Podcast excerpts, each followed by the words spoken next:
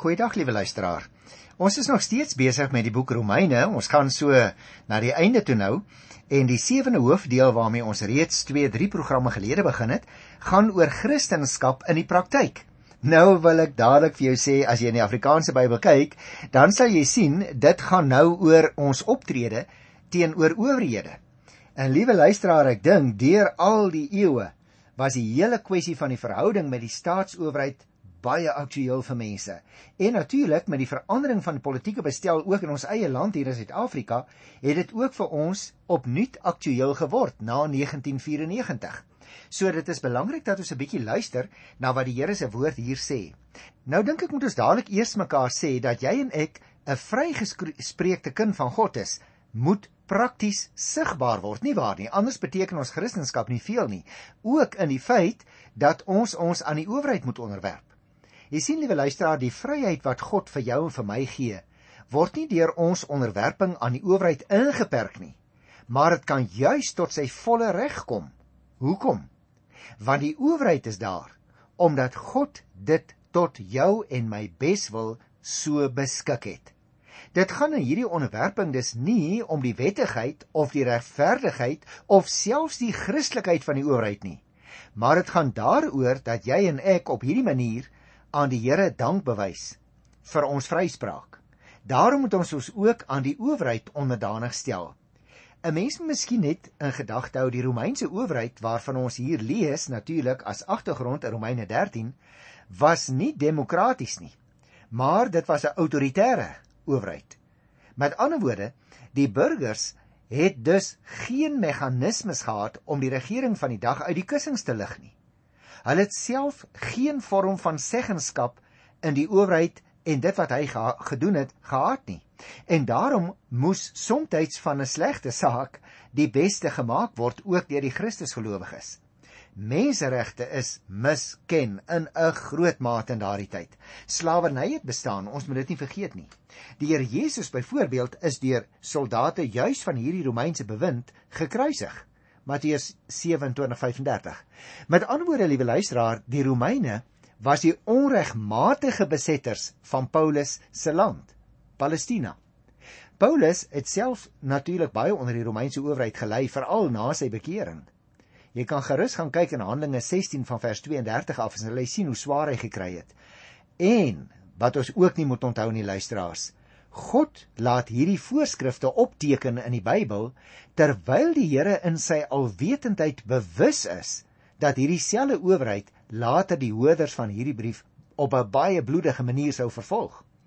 Die Here het dus geweet wat hy sê toe hy deur Paulus hierdie dinge laat neerskryf het. Jy, jy en ek moet nooit vergeet nie, die owerheid waarna in hierdie gedeelte verwys word, voldoen dus eintlik aan die ergste scenario wat jy en ek as moderne mense ons kan indink. So dit is eintlik 'n situasie wat totaal verskil van jou en my wat in 'n demokratiese opset lewe elke dag.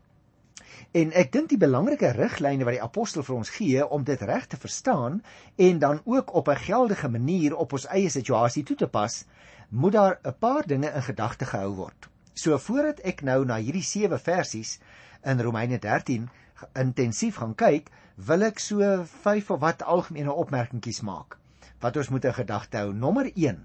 Dis belangrik, liewe luisteraar, om in gedagte te hou hoe die owerheid was oor wie Paulus geskryf het in daardie tyd. Hy praat van, soos ek net nou gesê het, van die Romeinse owerheid, maar dan natuurlik van die owerheid in al sy verskillende forme, byvoorbeeld van die keiser en die senaat tot die mees junior plaaslike amptenaar. En hierdie owerheid luisteraars was nie demokraties nie, maar autoritair in sy wese. En die burgers het dus geen meganismes gehad om die regering van die dag uit die kussings te lig nie. Hulle het self geen vorm van seggenskap in die owerheid gehad nie en hulle moes bloot van 'n slegte saak die beste probeer maak. Die tweede opmerking wat ek wil maak.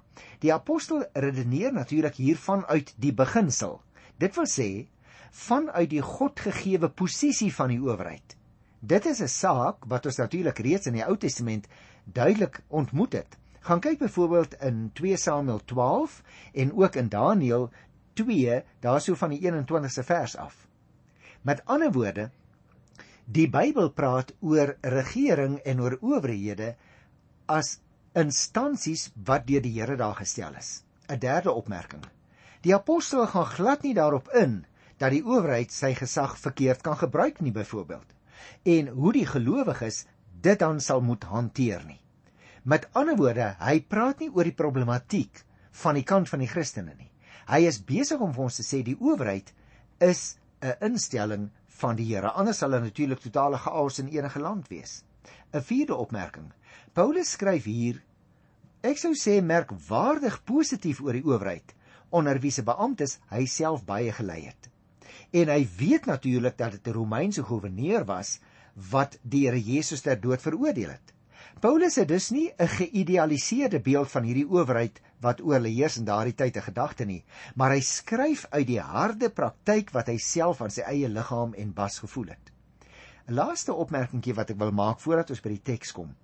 Om ons owerheid byvoorbeeld vandag in Suid-Afrika as 'n instelling van God te eer, vereis van jou en van my luisteraar ongetwyfeld baie meer as bloot 'n onderwerping daaraan bloot die betaal van belastings, bloot die betoning van die nodige hoflikheid en voorbereiding daarvoor.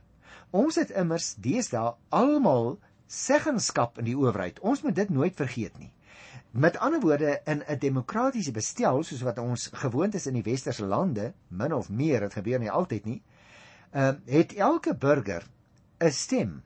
Met ander woorde, as die volk nie tevrede sou wees met die owerheid nie, dan moet die stemming anders uitval. Nou weet ek jy gaan vir sê ag Brianna ja baie kere uh byvoorbeeld in die kontinent waarop ons woon is die verkiesing nie altyd suiwer vry en demokraties nie. Dit is waar. Maar liewe luisteraar, dit beteken nog nie dat die owerheid nie 'n bepaalde funksie het nie en dat ons die owerheid moet onderdanig wees.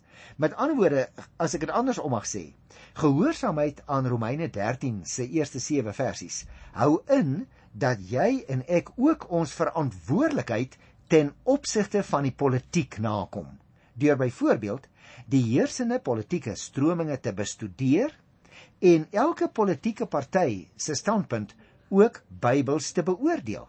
Jy sal dus byvoorbeeld al die demokratiese meganismes wat daar bestaan voluit kan gebruik om so die politiek nie te vermy nie hoor, maar deur jou en my politieke deelname daaraan mee te werk sodat die owerheid indien enigsins moontlik uit Christene bestaan.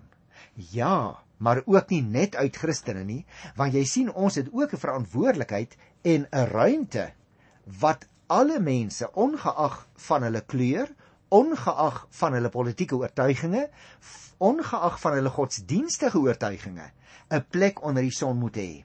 Daarom kan die owerheid ook saamgestel word uit mense van verskillende godsdienste en verskillende politieke partye. Nou goed, lieve luisteraar, miskien is dit genoeg inleidende opmerkings en daarom wil ek nou direk na die teks hier begin kyk in die eerste 7 versies van Romeine 13. Die eerste vers klink so: Elke mens moet hom onderwerp aan die owerheid wat oor hom gestel is. Daar is immers geen gesag wat nie van God kom nie. En die owerhede wat daar is, is daardeur die beskikking van God. Nou jy sien, daarom het ek gesê, ons kan ons nie sommer losmaak van die owerheid nie, want die owerheid ontvang sy gesag van die Here. Jy moet oplet, liewe luisteraar, in hierdie eerste vers sê Paulus nie hoe 'n mens moet maak as die owerheid om aan sy Godgegewe opdrag vergryp nie. Daar is eintlik Bybels gesproke net een werklike grond vir ongehoorsaamheid aan die owerheid En dit is wanneer die owerheid iets van jou en van my as Christus gelowige vereis waarvan die uitvoering sal impliseer dat ons aan die Here ongehoorsaam sou word. Gaan kyk gerus daar wat gebeur voor die Joodse raad in Handelinge 5 by die 29ste vers waar daar gesê word ek moet immers God meer gehoorsaam wees as vir jou wat dan optree as 'n lid van die owerheid wat van my verwag om te doen wat teen die wil van die Here is. Jy sien, wanneer die eer van die Here op die spel is, liewe luisteraar, en net dan alleen mag jy en ek vier voet vassteek en sê, ek kan nie anders nie. Ek moet aan God meer gehoorsaam wees as aan die owerheid op hierdie spesifieke punt. En hierdie ongehoorsaamheid mag nou nie oorgaan in gewelddadige optrede doen nie, hoor.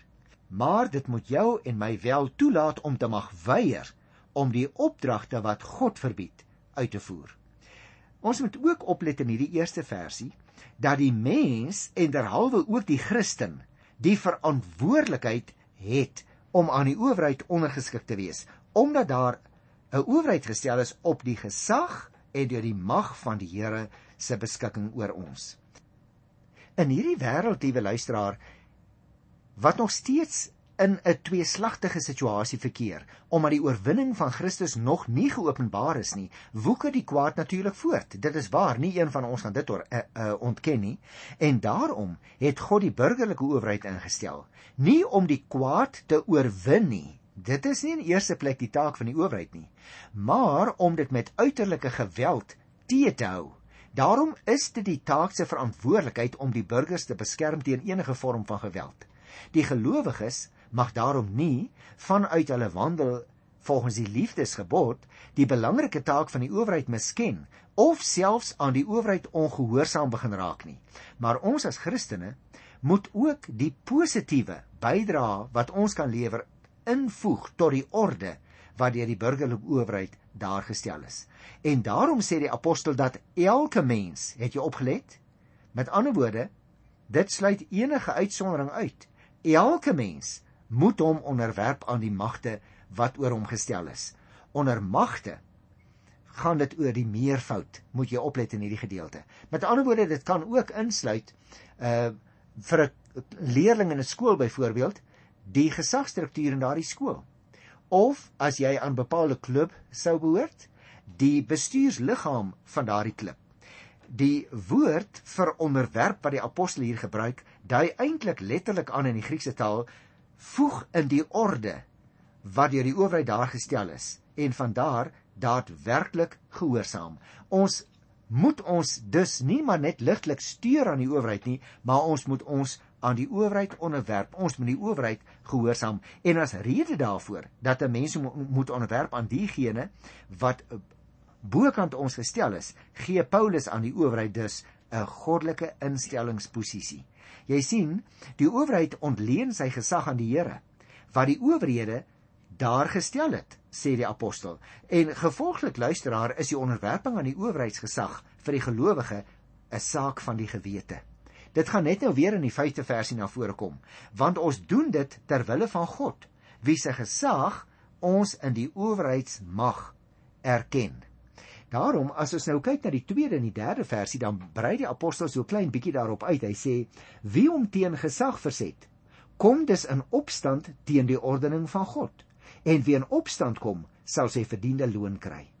'n Mens hoef nie vir die owerheid bang te wees as jy goed doen nie, maar wel as jy kwaad doen.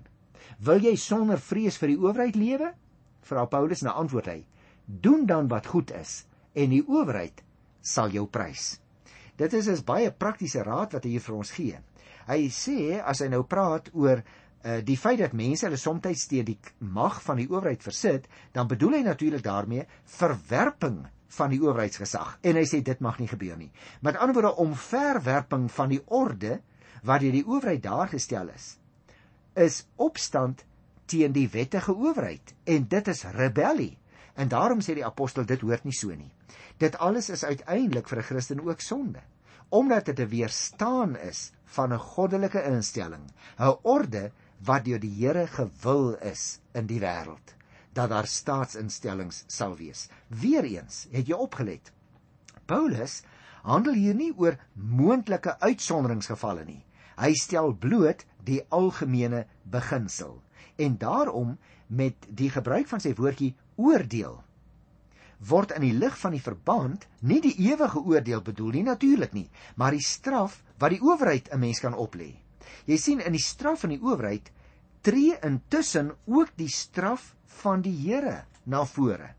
Want die owerheid verteenwoordig die Here as instelling en voer daarmee ook God se straf uit as dit nodig sou wees. Luister na vers 4. Want die owerheid is 'n dienaar van God tot jou beswil. Maar voeg Paulus dan by: As jy kwaad doen, het jy rede om bang te wees, want die owerheid het nie verniet die reg om te straf nie. Hy is immers ook hierin die dienaar van die Here dat hy die kwaad doen moet straf. Die apostel sê dus baie duidelik wat die verantwoordelikheid van die staat is. God handhaaf dus ook oor hierdie ordening teen die verset van die mens daarin. 'n Mens let dus op as jy na hierdie 4de versie kyk dat die apostel die owerheid as 'n instelling vir die bekamping van die kwaad teken sodat hy vir diegene wat die goeie dinge doen geen skrik aanjaende instelling is nie maar gesien moet word as 'n dienaar van die Here jou ten goede sê die apostel met ander woorde luisteraar die owerheidsmag is 'n seën vir die menslike samelewing God laat die menslike samelewing nie aan homself oor nie maar hy stel die owerheidsamp daar juis om die kwaad teen te staan en die goeie aan te moedig. Daarom is die owerheid ook 'n wreker op die een wat kwaad doen en straf die owerheid sulke onregverdige dade. Nou moet 'n mens natuurlik baie versigtig wees want ook in Suid-Afrika voel ons soms dat die owerheid nie sy verantwoordelikheid nakom nie. Maar broer en suster, dan moet ons nog steeds baie versigtig wees dat ons teen die instelling van die Here begin oortree die reg in eie hande te neem want dit kan nie gebeur nie want die owerheid is 'n instelling van die Here. Daarom voeg die apostel by in vers 5. Luister 'n bietjie. Daarom moet jy jou onderwerp. Nie net omdat jy vir straf bang is nie, maar ook omdat dit 'n gewetensaak is. Nou net toe ek gepraat het oor die eerste verse, het ek toe alreeds ook verwys, sal jy onthou na vers 5. Vir jou en vir my is onderwerping aan die owerheid 'n gewetensaak. Kom ons neem 'n eenvoudige voorbeeld, soos spoedoortreding. Dit is vir ons 'n gewetensaak al ry ons soms met motors wat baie vinniger as 120 km/h kan loop. En daarom moet ons ook let op die owerheid se reëling. As ons byvoorbeeld nader kom na dorpsgebiede of stadsgebiede, want dit is die owerheid se verantwoordelik dat ons nie teen 'n hoë spoed daar moet injaag nie. En sou ons dit doen, dan gaan die owerheid ons ook 'n boete gee. En dan moet ons nie murmureer daarteen nie, want dan het ons die owerheid as 'n instelling van die Here se reëling ongehoorsaam en verdien ons om gestraf te word. Dit lyk dus vir my dat hierdie hele aspek van die gewetensaak so bietjie somtyds deur die Christene verbygegaan word. Ons moet weet die Bybel sê die owerheid is 'n instelling van die Here. En dit bring my by die laaste twee versies wat ek wil behandel vandag hier in Romeine 13, naamlik vers 6 en vers 7. Kom ons lees dit eers met mekaar saam. Dit is ook waarom julle belasting betaal. Want die owerhede is dienaars van God en hulle is besig om hulle opdrag uit te voer. Gee dus aan almal wat hulle toekom. Belasting as dit belasting is, aksyns as dit aksyns is, ontsag as dit ontsag is, eer as dit eer is. Die apostel sê dus vir die Christene daar in die groot wêreldstad in Rome. Hulle moet hulle verantwoordelikheid teenoor die owerhede nakom of dit in die vorm is byvoorbeeld van en dan noem hy die voorbeeld van direkte belasting soos kopbelasting byvoorbeeld in daardie tyd of indirek belasting soos byvoorbeeld aksyns nê wat betaal word op uh, goedere wat ingevoer word in 'n land. Ons moet ontsag en eer hê vir die owerheid en daarom moet ons daardie belasting betaal. Nou natuurlik, daar is in die verlede dikwels gewonder waarom Paulus juis hierdie spesifieke aangeleende so sterk beklemtoon hier in sy skrywe aan die Christene in Rome.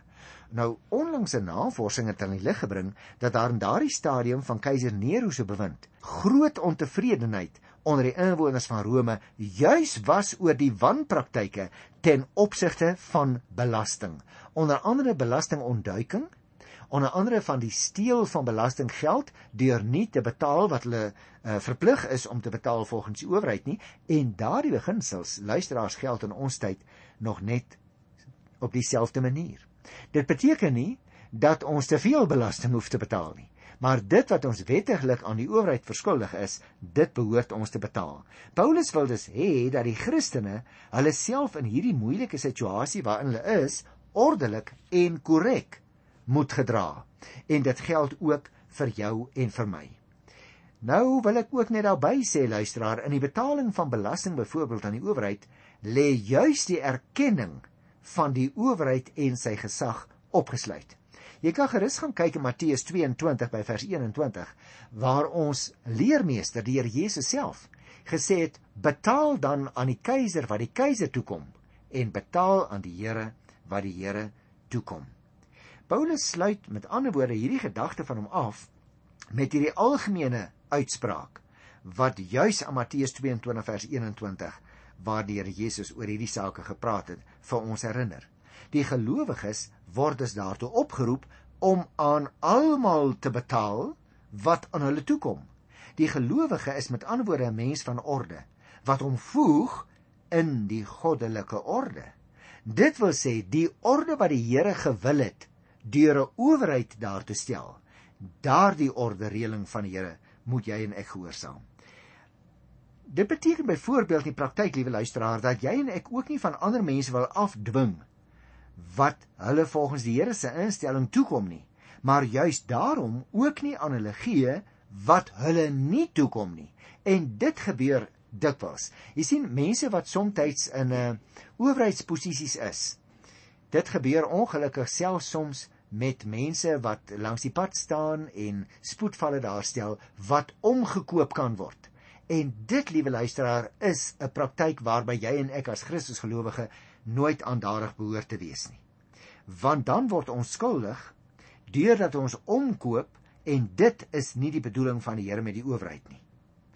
Onder vrees, soos dit in die 1953 vertaling gestaan het, hier in die 7de vers, moet 'n mens verstaan, ons moet ontsag hê Ons moet eerbied hê vir die owerheid. Ons moet 'n innerlike respek hê wat hier van binne af uitkom. En daarom luisteraar, as ons met 'n geregsdienaar byvoorbeeld te maak het of met 'n belastinggaarder, dan moet ons nie ongeskik raak omdat ons nie ons belasting wil betaal of omdat daardie persoon dalk oordeel ons behoort meer te betaal nie. Want dan kom ons die amptenaar te na en wil ons daardeur sommer dikwels oor die owerheid opstandig raak. Die vraag of 'n mens met die owerheid saamstem, is dus eintlik nie by hierdie uitsprake van die apostel hoegenaamd ter sprake nie. Ook teenoor 'n goddelose owerheid sal die gelowige respek moet betoon. Onthou daardie Christene in Rome het onder 'n Romeinse, 'n heidense owerheid gewoon en nogtans sê die apostel vir hulle, hulle moet die owerheid gehoorsaam. Hoewel wil ek byvoeg, hoewel die situasie kan opduik dat 'n owerheid wat sy grense te buite gaan en oorskry, nie meer deur die gelowiges erken of gehoorsaam sal kan word nie. In kort gesê, liewe luisteraar, die owerheid is 'n instelling van die Here. En sy bedoeling daarmee is om die goeie orde in 'n maatskappy te handhaaf. En daarom, omdat dit net soos die huwelik 'n instelling van die Here is, daarom moet ons die owerheid as 'n instelling van God eerbiedig. Op daardie noot, positiewe noot, wil ek dan graag afsluit vandag en wil ek gaan vra dat jy self weer bidend en afhanklik van die Here daardie eerste 7 versies van Romeine gaan lees. Verpligtinge teenoor die owerhede. Tot volgende keer. Totsiens.